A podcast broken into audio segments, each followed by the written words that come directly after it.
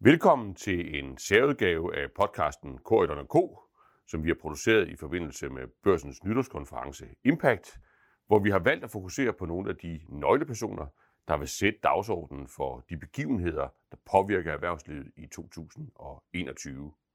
I det her afsnit fokuserer vi på USA's nyvalgte præsident, Joe Biden, der indsættes på dagen for vores Impact-konference den 20. januar, og afsnittet er produceret før stormen på Capitol den 6. januar. Vi skal prøve at kigge øh, på, hvad det er, der, der venter Joe Biden, og dermed USA, og dermed jo også øh, os andre i, i Europa og, og Danmark. Og til at hjælpe mig med det, øh, der har jeg børsens cheføkonom, Sten Buchan. Jeg har vores udenrigsredaktør, Hakon Redder. Og jeg har vores korrespondent i USA øh, med os øh, fra New York, Lasse øh, Ladefod. Og velkommen til jer tre. Tak. Tak. tak. Skal vi starte øh, fra New York? Øh, det er USA, øh, Lasse, du rapporterer øh, fra i øjeblikket øh, til børsens øh, læsere. Øh, nu, øh, nu får man en ny præsident, men er stadigvæk midt i en, en forholdsvis voldsom øh, coronakrise. Hvad er stemningsbilledet? Er det corona, der fylder det hele i øjeblikket, eller er det også andre politiske emner, der begynder at komme op i forbindelse med, at, øh, at en ny præsident er på vej ind øh, i det ovale værelse?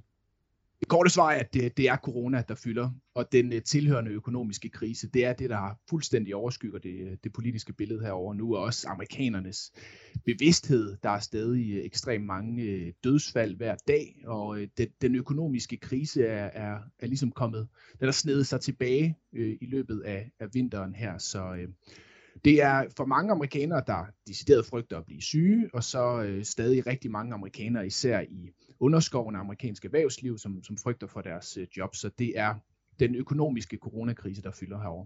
Ja. Og det får vi så en ny præsident, øh, Hakon øh, Redder, til at, at, at, at komme ind og, og dybest set gribe øh, takstokken i, i den situation.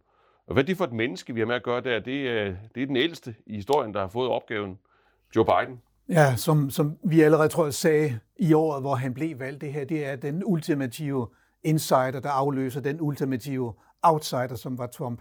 Han har årtier lang erfaring i at arbejde sammen på tværs af partierne i kongressen. Det er nok det, det største håb for, at der kan rent faktisk ske noget i, i hans første periode, i hans første måneder. Mm. Men han løber også ind i, foruden, som, som vi hører fra New York, han skal løse i hvert fald står i spidsen for en national indsats for at få lagt coronakrisen ned, skal han så også ud og melde USA ind i verden igen. Der er store forventninger til, at det sker mm. meget, meget hurtigt i forhold til for eksempel FN's aftale om klima.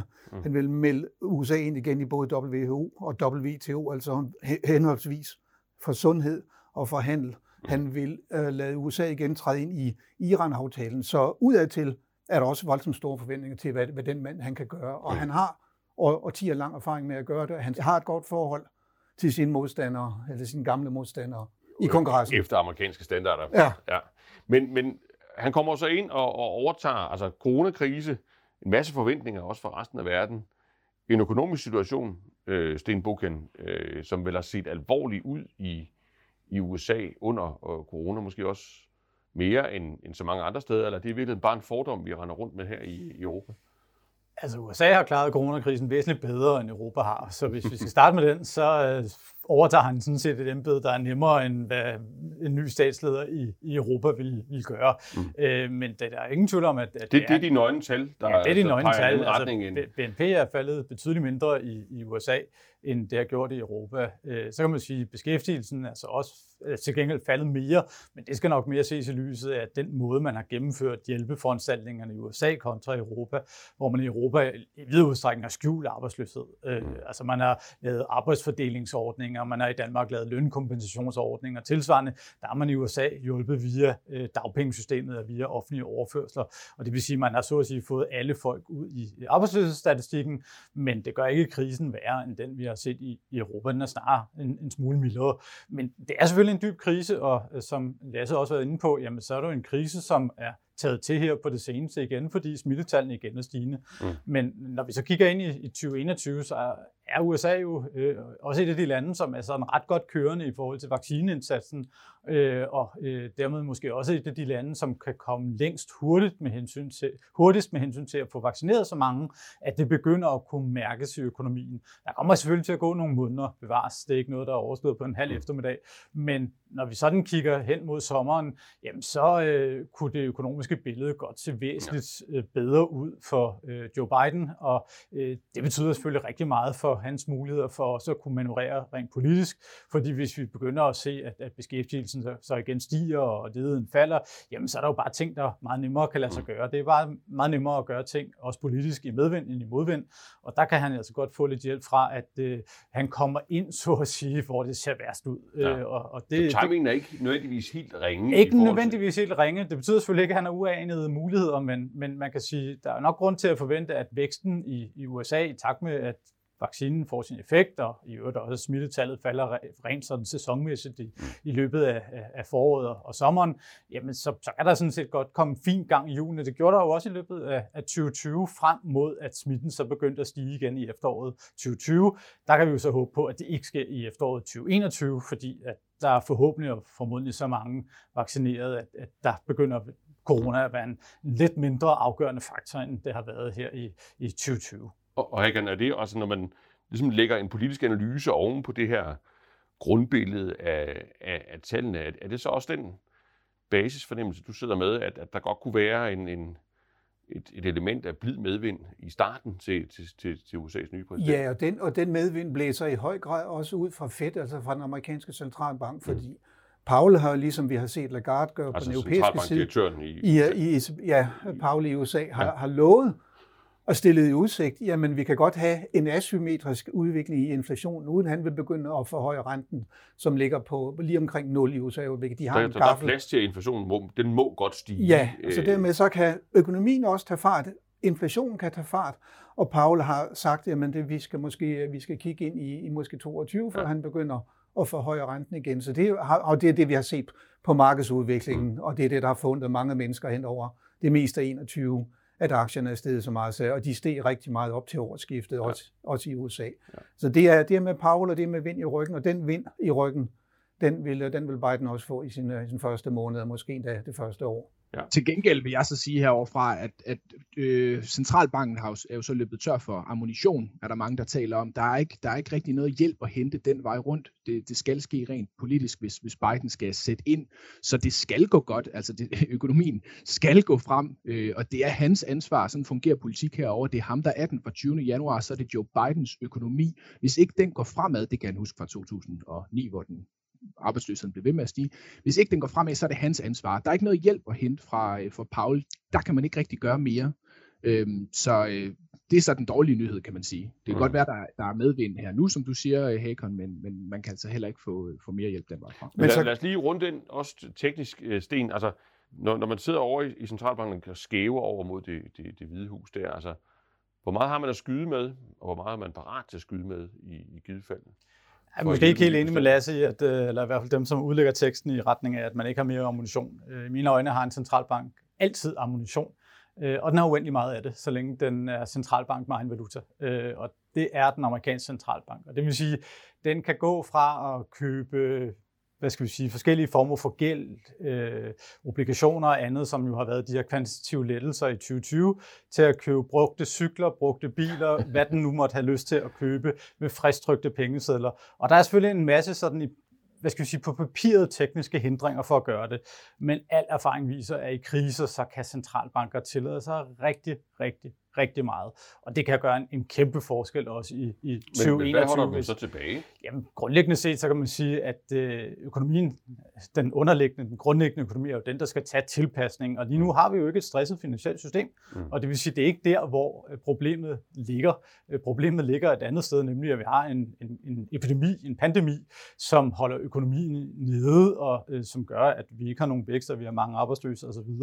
Og det kan centralbanken dog trods alt ikke gøre noget ved, øh, desværre er, øh, hvis den bare kunne det, og udvikle egne vacciner og uddele dem hurtigt via pengepolitikken, så vil den nok gøre det, men, men det kan den så ikke, trods alt. Og det vil sige, man kan ikke undgå, at der er en krise, men, men man kan gå ret langt i forhold til at gøre mere. Og det har vi jo også set i Europa. Vi gik jo ind i den her krise i Europa med negative renter, og en fortælling om, at nu var centralbankerne nok nået til vejs ende med hensyn til, hvad de kunne tillade sig at gøre. Mm. Men nej, det var de ikke. De gik længere.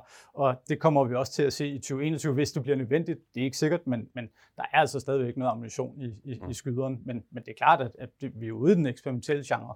Det er der mm. ingen tvivl om. Og, og, og man er ked af at eksperimentere mere end højst nødvendigt. Ja, det er selvfølgelig ikke det, man allerhelst vil. Men Nej. hvis man er tunge, så gør man det. Så gør man det. Og så må vi vel ja. også lige huske på, at blandt Bidens bedste udnævnelser, i hvert fald på papiret indtil nu, er Janet Yellen, der kommer til at sidde som finansminister, altså Pauls forgænger, som jo hele vejen rundt i USA stort set, eller er dybt, dybt respekteret for sin indsats.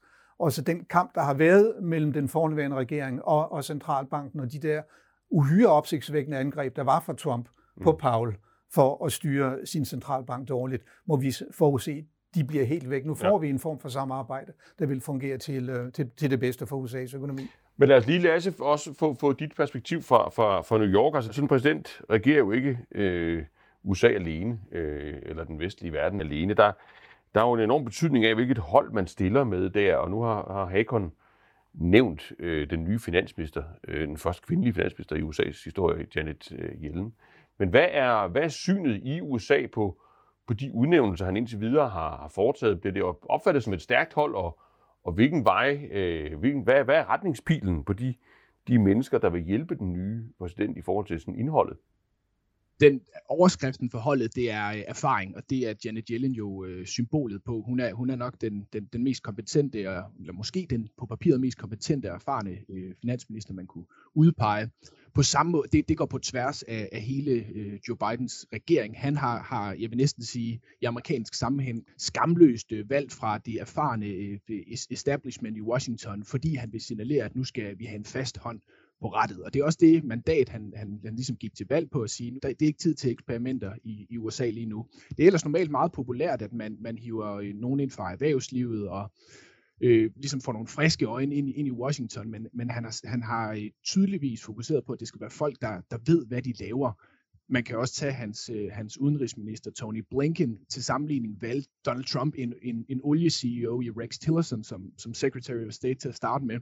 Her har Biden valgt en, en karrierediplomat. Hvordan det bliver opfattet i befolkningen, det er svært at sige nu, men, men det er ikke rigtig nogen overraskelse. Det, ved, det vidste amerikanerne godt, da, mm. da de valgte Biden, at, at det var det, de ligesom fik. Så øh, det, det, er, øh, det, det er erfarne folk øh, på tværs. Så er det også et hold, der afspejler det, det amerikanske samfund. Det har han også sagt helt tydeligt. Altså, der er minoriteter iblandt, både i forhold til, til ja, kvinder og, og etniske minoriteter. Så, øh, det, det vil nok være populært, i hvert fald hos øh, Joe Bidens egen øh, vælgerbase, mm. men, men det er helt klart, der er masser af, af skyt til, øh, til den republikanske højrefløj, og snakken om The Swamp osv. vil komme øh, tilbage igen, når Joe Biden har, har indtaget det ovale kontor, og det ligesom er, er ham, man skyder på, så er, der, så er der masser af Washington establishment, man kan bebrejde for, for alt det, der går galt. Ja. Men nu er det selvfølgelig sådan i USA, at man, man forbereder sådan et, et magtskifte på en lidt anden måde end i Danmark, at man har jo nogle, måneder, fra man bliver valgt, til man får tøjlerne til at holde, gætter jeg på, relativt grundige møder om, hvad man har tænkt sig at, at gøre. Men hvis vi nu alligevel forestiller os det her første møde i det, i det ovale værelse, og det her erfarne øh, hold, som Lasse beskriver det, øh, samlet, og ny præsident bag sit, sit skrivebord for første gang, og vi sådan får jeres hjælp til at prøve at tage sådan et, et virtuelt kig ned på det der skrivebord, så, så må man jo forestille sig, at der ligger bunker af, af, af notater omkring de opgaver, øh, man skal i gang med at, at løse. Hvad, hvad vil I gætte på? Hvad, hvad ligger øverst? Du talte, Hakon, om, om det her med at melde sig ind i verden i, igen. Hvordan ser den slagplan ud? Jamen, den ser, den ser som sagt sådan ud, at det første, han gør, det er nok at melde sig ind i FN's øh, aftale om klima igen, mm. Paris-aftalen. Det kan ske på, på, på day one. Betyder det noget i praksis? Ikke nødvendigvis så meget, fordi som vi har hørt løbende under hele Trump-perioden, så har USA rent faktisk øh, nærmest overopfyldt sine, sine krav til at reducere CO2 og de øvrige gasser, fordi det er sket ude i delstaterne og ude i de store byer. Selvfølgelig har det en stor psykologisk effekt, at Biden nu vil sige, at vi er med igen. Mm. Han har også indrigspolitisk, og det ved Lasse også meget om, han har lagt en plan til 2 billioner dollars om øh, at gøre USA fossilfrit øh, inden, inden 2050.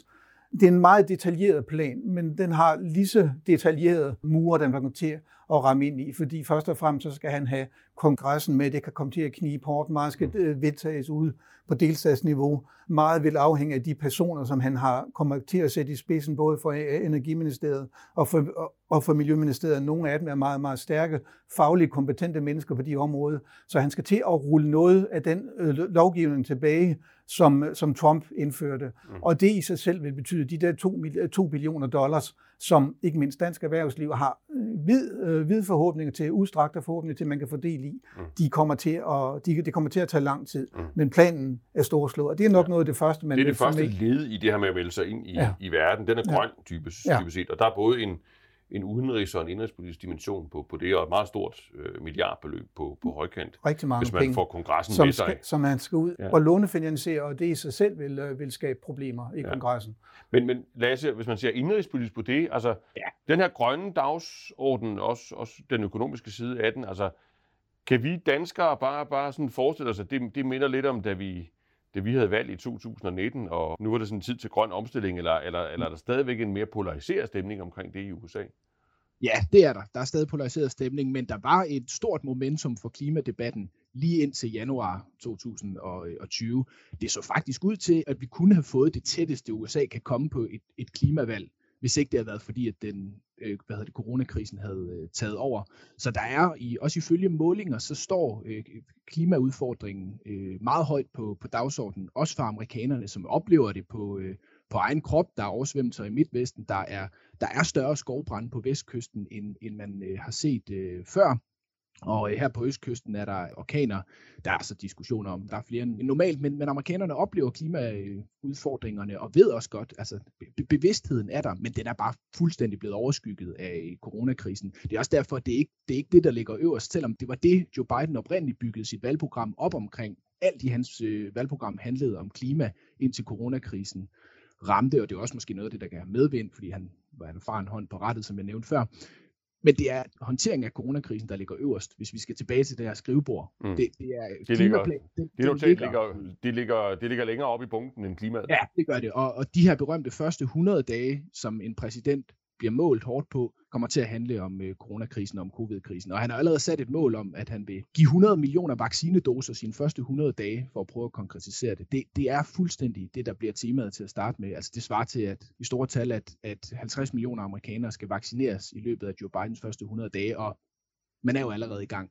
Så det er mm. det, der kommer allerførst. Når man så kommer forbi det, og hvis ligesom økonomien kan åbne igen, så vil han stimulere økonomien via øh, infrastrukturinvesteringer, som han har en, en gigantisk plan for, hvor klima er skrevet ind i alt. Og det skal så igennem kongressen, så det bliver et interessant spil at følge, fordi der er egentlig mange øh, der er mange på begge fløje, der gerne vil gøre noget ved infrastrukturen. Spørgsmålet er, om man skal gøre det med klimavinkelen eller ej. Mm. Øh, jeg vil så også lige sige, at han har så en trumf, en klimatrumf på dag 1, øh, som han har lovet allerede for tidligt i sin valgkamp, det er at melde USA ind i Paris-aftalen igen. Mm. Det kan man gøre via en executive order, der skal han ikke igennem noget som helst. Så han kan smide en stor klimatrumf på dag 1, hvilket er meget belejligt, fordi at øh, den, det, det store klimaprogram kommer til at kræve hårde kampe i, mm. øh, i løbet af de næste fire år. Mm. Hvor han vil sætte øh, USA på en kurs mod øh, energi, klimaneutralitet i 2030 og totalt CO2-neutralitet i 2050. Okay.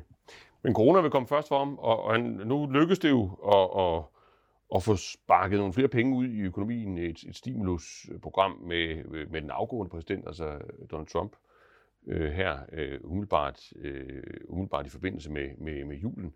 Men han, han vil stadigvæk have ambitioner om mere, eller hvordan Sten Boken, og, og, og vil der være et, et objektivt pres fra investorer og aktiemarkeder for at, at stimulere økonomien yderligere? Det vil det allerførste punkt på, på dagsordenen på det her møde.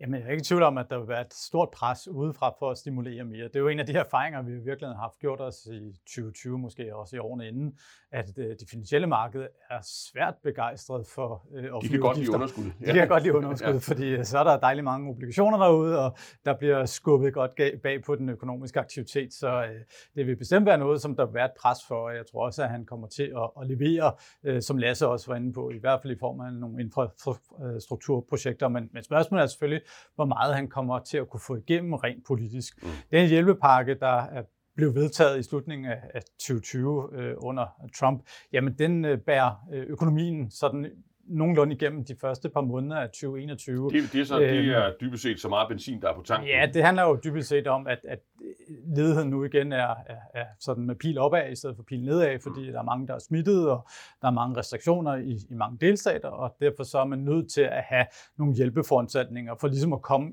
ind i 2021, uden at det bliver sådan en økonomisk katastrofe for, for hele amerikansk økonomi. Øh, så det er mere et spørgsmål om at holde julen i gang, end et spørgsmål om at, at, at skabe øh, fornyet aktivitet. Det kommer først senere. Øh, og det kommer så sandsynligvis i form af det her infrastruktur øh, især, øh, og så må vi så se, hvor langt det bærer, men man skal så også huske på, at amerikansk økonomis største styrke er ikke, hvad politikerne gør.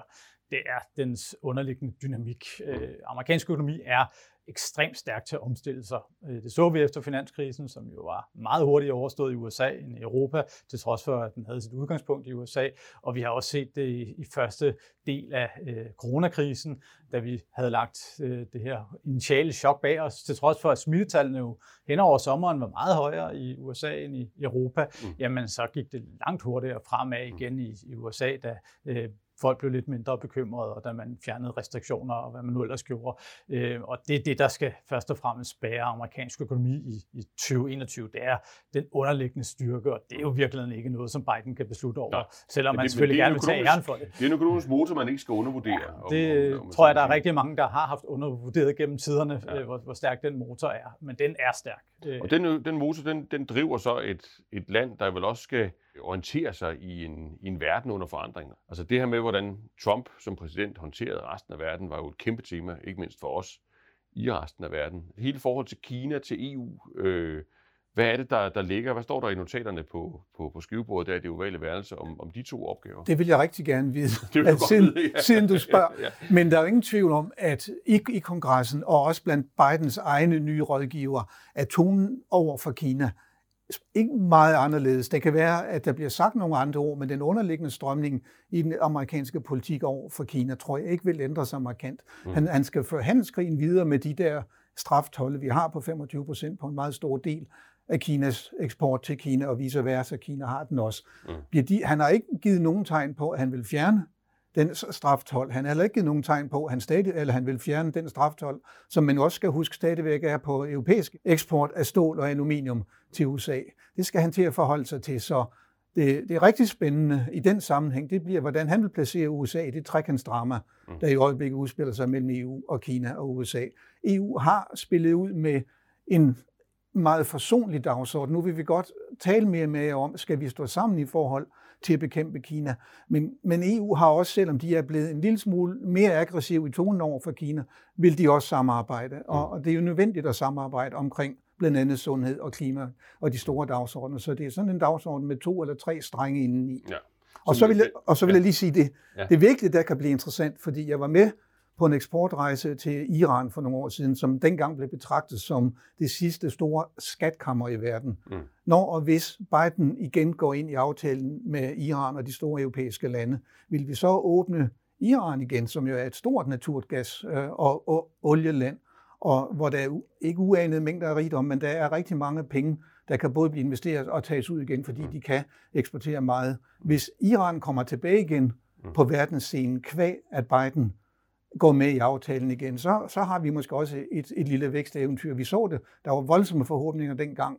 Danmarks store delegation, det var en af de største eksportdelegationer nogensinde, var en, en af de aller sidste, der kom til Teheran. Mm. Men der var så meget bevægelse dengang, og det blev, det blev kvalt, da, da USA trådte ud. Mm. Det, det, kan blive, det kan blive en interessant affære at følge igen. Så det du siger, det er, at, at når det gælder Kina og, øh, og, og trekantsdramaet, som du kalder det, mm. mellem EU, USA og, og Kina, så skal man ikke være naiv, så er det stadigvæk en, en relativt hård kurs, også efter Trump, vi kommer til at se. Og så er der andre øh, kraftcentre, andre dagsordner, som vi, som vi skal passe på med ikke at glemme, for eksempel, for eksempel Iran. Ja. ja, men der er, jo ikke, altså der er ikke nogen tvivl om i den sammenhæng, hvad det er det store. Det er USA, Kina mm. og, og EU. Fordi vil, øh, vil Kina være i stand til at sætte sig mere på hele Asien-området. Det har de gjort i kraft af en ny handelsaftale, der kom, øh, der kom kort før jul, mm. hvor USA ikke var med. Vil USA melde sig ind igen i TPP, den anden store handelsaftale, som Trump mm. stort set startede sin karriere med at, at trække USA ud af? Altså, hvor, hvor, hvor meget, hvor meget vil, vil Biden kigge over på hele Asien og, og, og på Kina? Det bliver afgørende, også for den, for den europæiske udvikling. Mm. Indrigspolitisk, Lasse øh, Ladefod, der, øh, ja. hvad, er det så for, hvad, hvad er det for nogle notater, der ligger øverst i, i, dag, i bunken der, når vi ser bort fra klima og corona? Altså, de temaer, man diskuterede i, i, i valgkampen, er der, er, der, er der politik på hylderne? Er der planer øh, for den nye præsident for at, at tage fat på nogle af dem? Hvis jeg lige skal først og fremmest lige tage, tage den ned fra den udenrigspolitiske debat, fordi det har jo også et stort indrigspolitisk element. Det, mm jeg tror, han balancerer sig på en meget, meget øh, fin øh, øh knivsæk lige præcis der, fordi han netop ved, at den bevægelse, der, der, der fik Trump til magten, altså modstanden mod øh, Kina og mod øh, for så vidt Iran og, og for nogle amerikanere vedkommende også Europa, hvem, hvem ved, den er der stadig. Altså det, de 475 millioner, der, der stemte på, på, på Trump, dem skal han huske i den sammenhæng, så han, han må få for alt i verden, ja, det, det, det er opfattelsen, at han, han kommer til at, at, at, at have det meget en mente, øh, når han fører sin udenrigspolitik, at han ikke ligesom gen, øh, genoplever den, den splittelse, der, der, der er i USA, og som, som, øh, som førte Trump til magten, så han kommer til at sætte den hårde kurs over for Kina, også i en indrigspolitisk kontekst, vil jeg bare lige sige. Mm. Og derudover, øh, og det er jo så blandt andet fordi, at meget af det, øh, det amerikanske erhvervsliv, som, som jo følte, at man blødte arbejdspladser til udlandet og blev i det hele taget uretfærdigt behandlet i det globaliserede samfund, de lider altså ekstra meget lige nu. Øh, der er godt nok store amerikanske virksomheder, som kommer fint igennem øh, krisen, og som, som også stadig har ansat folk, men der er rigtig mange af de øh, amerikanere, der er blevet fyret, som har mistet deres job, og som lige nu er i økonomiske vanskeligheder, som er ude i, i måske i, i small business øh, America. Så, så jeg vil sige, det, det er det, der, der indrigspolitisk skal ligge øverst på hans liste. Det, det er dem, han skal gøre noget for. Og den nemmeste måde at holde, holde øh, den amerikanske befolkning glad, det er jo øh, ved, at, at økonomien går godt, og at man gør noget for den del af, af, af erhvervslivet. Så jeg vil sige, det at undgå en total massedød blandt små amerikanske virksomheder, det, det er meget, meget højt på listen, og det ser skidt ud. Altså jobtabet i, i USA, det er dobbelt så højt hos små virksomheder øh, end hos store. Mm. Så det er der, han skal helt ud i de, i de små samfund og, og, og se, kan man gøre noget for, øh, for, øh, for både, både kan man sige, essentielle erhverv og, og, og måske også mere de blødere erhverv, som, som binder USA, de små byer i USA sammen. De lokale, lokale øh, restauranter, teater, bowlinghaller, malls, som er, som er gået konkurs. Alt det, der i virkeligheden gør, gør USA til, til USA, om, om man vil, det er dem, der har, har lidt her under krisen. Så dem skal han ind og gøre noget overfor. Mm. Øh, og det, det tror jeg, han vil, han vil sætte det hurtigt på.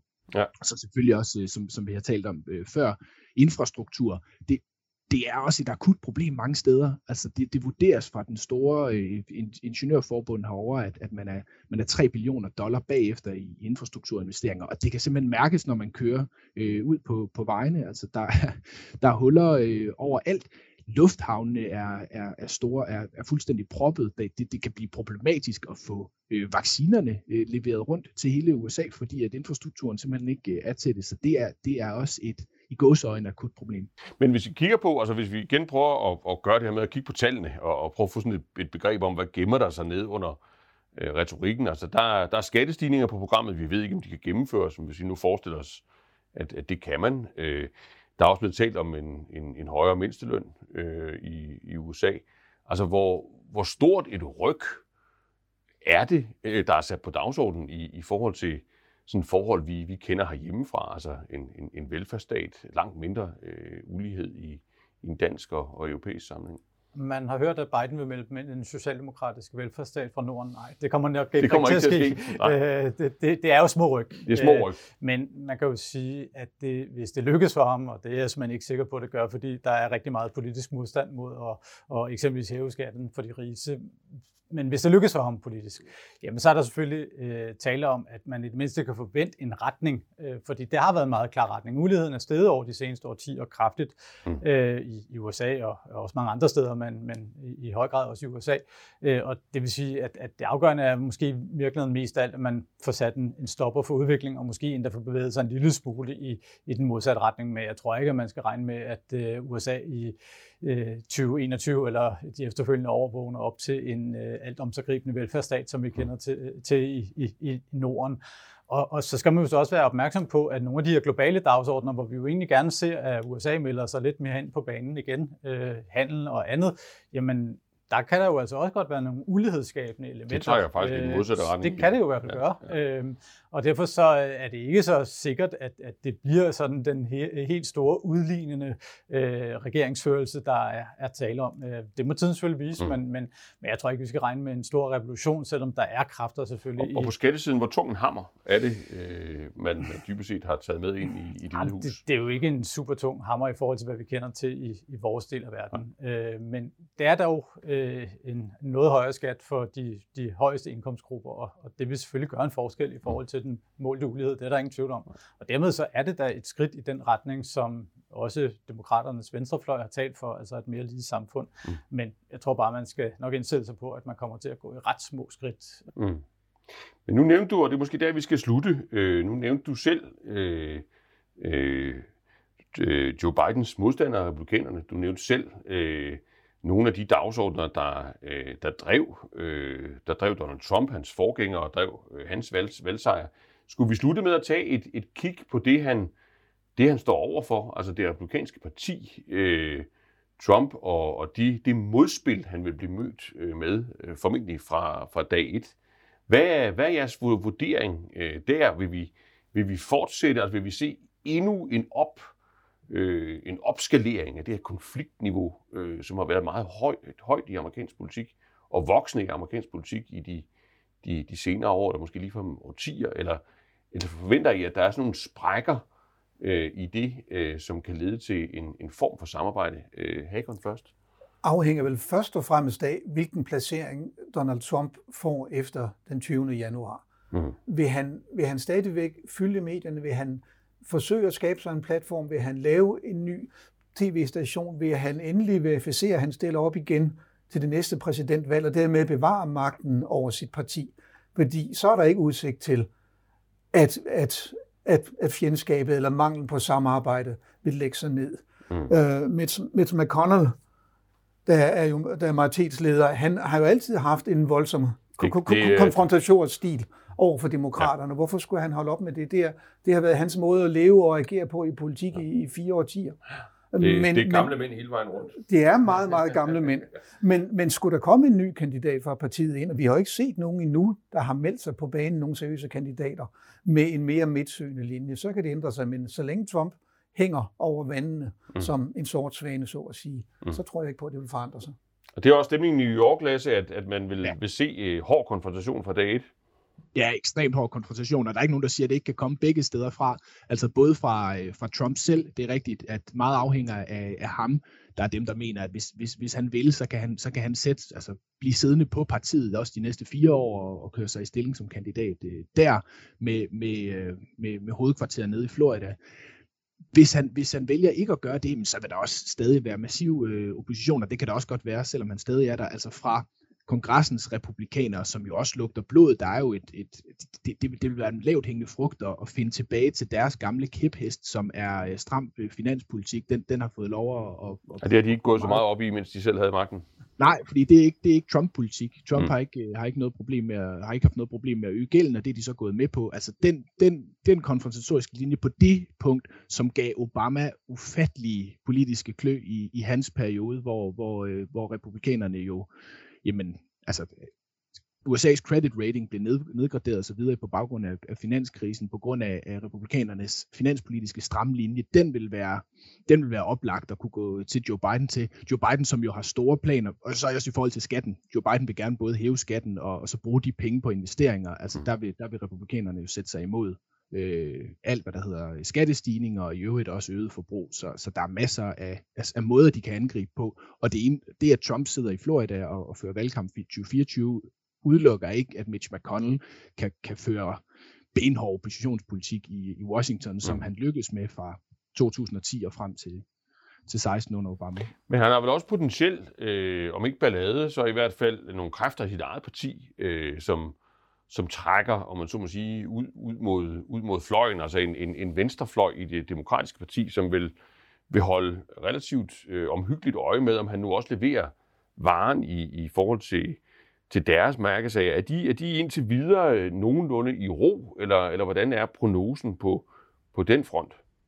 ja, indtil videre er de, er de nogenlunde i ro, men, men nej, det vil også være naivt at tro, at, øh, at øh, bare fordi at man endte med en, en øh, midterkandidat i det demokratiske partier, en, en, en konsensuskandidat som Biden, den, den mest electable, at hele øh, Sanders-fløjen, øh, den, den øh, vil, vil være stille. Han har jo heller ikke for alvor sådan, øh, taget det med ind i, i regeringen. Det var der også spekulation om, om, om det var måden at ligesom øh, samle partiet ved at tage en Sanders med i regeringen, en øh, Ocasio-Cortez, Elizabeth Warren med ind i sin, øh, sin regering. Der har han jo også øh, gået efter de mere øh, midtersøgende kandidater. Så nej, der vil være en, en hård øh, fløjkrig er et, et stort ord, det er der jo ikke, men, men der vil i hvert fald være, være fløjkamp i, i partiet også, som, som vil stå hårdt imod den eventuelt øh, hårde linje, der vil være for republikanerne. Så, så der, der, får, der får han brug for al sin 40-årige erfaring fra, øh, fra tværpolitiske forlig i, i øh, senatet Joe Biden. Yes. Men altså en, en, relativt, en relativt positiv økonomisk situation, eller ikke en positiv økonomisk situation, men nogle muligheder i situationen, øh, og en, en relativt klar idé om, hvad man gerne vil med, med meget erfaring, men, men også med nogle modstandere, der vil være klar for dag et. Er det en rimelig opsummering på, hvordan det ser ud sådan efter det her første møde i det ovale værelse? Det vil være svært at sige dig imod, når du har opsummeret. det er godt. Tusind tak for jeres, øh, jeres øh, bidrag til at, at give os øh, en idé om, hvordan det kommer til at forløbe til, til Hagon til den bogkender til Lasse Ladefod. Børsen Impact er nytårstraditionen, hvor vi sætter et ambitiøst mål for dig. Vi vil komme med den mest præcise prognose for året 2021. Derfor samler vi de vigtigste beslutningstagere og de skarpeste analytikere for at høre deres bud på, hvad det nye år vil bringe. Børsens fremmeste journalister og redaktører interviewer blandt andet statsminister Mette Frederiksen, Unilevers bestyrelsesformand Niels Smedegaard Andersen, Nationalbankdirektør Signe Krogstrup og tidligere ambassadør og en af hovedarkitekterne i Joe Bidens præsidentkampagne, Rufus Gifford. Alle vil med udgangspunkt i deres position og indsigt fortælle om, hvad de forventer sig af 2021, efter et år præget af katastrofer, usikkerhed og uforudsigelighed. Det sker gennem oplæg, samtaler og debat, og dermed deler de deres viden, indsigt og analyser med dig. Se med live, når det hele løber af stablen 20. januar 2021 i et nyt digitalt format. Tilmeld dig på børsen.dk Clash impact 2021.